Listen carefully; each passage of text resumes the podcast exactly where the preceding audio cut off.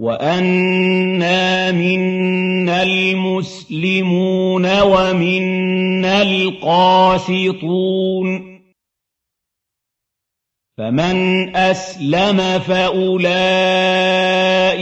تَحَرَّوْا رَشَدًا وَأَمَّا الْقَاسِطُونَ فَكَانُوا لِجَهَنَّمَ حَطَبًا وَأَن لَّوِ اسْتَقَامُوا عَلَى الطَّرِيقَةِ لَأَسْقَيْنَاهُم مَّاءً غَدَقًا لِّنَفْتِنَهُمْ فِيهِ وَمَن يُعْرِضْ عَن ذِكْرِ رَبِّهِ يَسْلُكْهُ عَذَابًا صَعَدًا وَأَنَّ الْمَسَاجِدَ لِلَّهِ فَلَا تَدْعُوا مَعَ اللَّهِ أَحَدًا وَأَنَّهُ لَمَّا قَامَ عَبْدُ اللَّهِ يَدْعُوهُ كَادُوا يَكُونُونَ عَلَيْهِ لِبَدًا قُلْ إِنَّمَا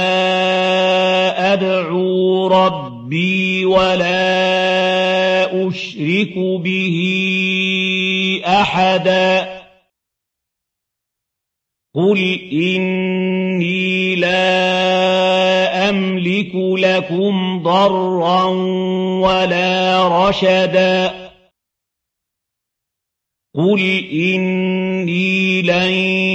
يُجِيرَنِي مِنَ اللَّهِ أَحَدٌ وَلَنْ أَجِدَ مِن دُونِهِ مُلْتَحَدًا إِلَّا بَلَاغًا مِّنَ اللَّهِ وَرِسَالَاتِهِ ۚ وَمَن يَعْصِ اللَّهَ وَرَسُولَهُ فَإِنَّ لَهُ نَارَ جَهَنَّمَ خَالِدِينَ فِيهَا أَبَدًا. حَتَّىٰ إِذَا رَأَوْا مَا يُوعَدُونَ فَسَيَعْلَمُونَ مَنْ أَضْعَفُ نَاصِرًا وَأَقَلُّ عَدَدًا.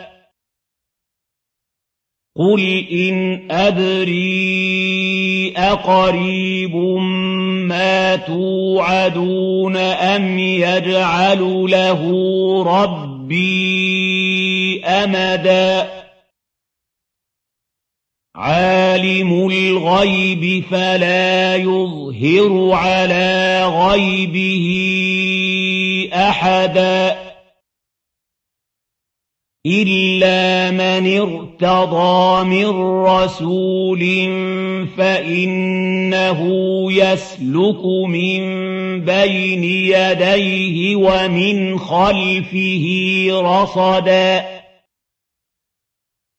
لِّيَعْلَمَ أَن قَدْ أَبْلَغُوا رِسَالَاتِ رَبِّهِمْ وَأَحَاطَ بِمَا لَدَيْهِمْ وَأَحْصَىٰ كُلَّ شَيْءٍ عَدَدًا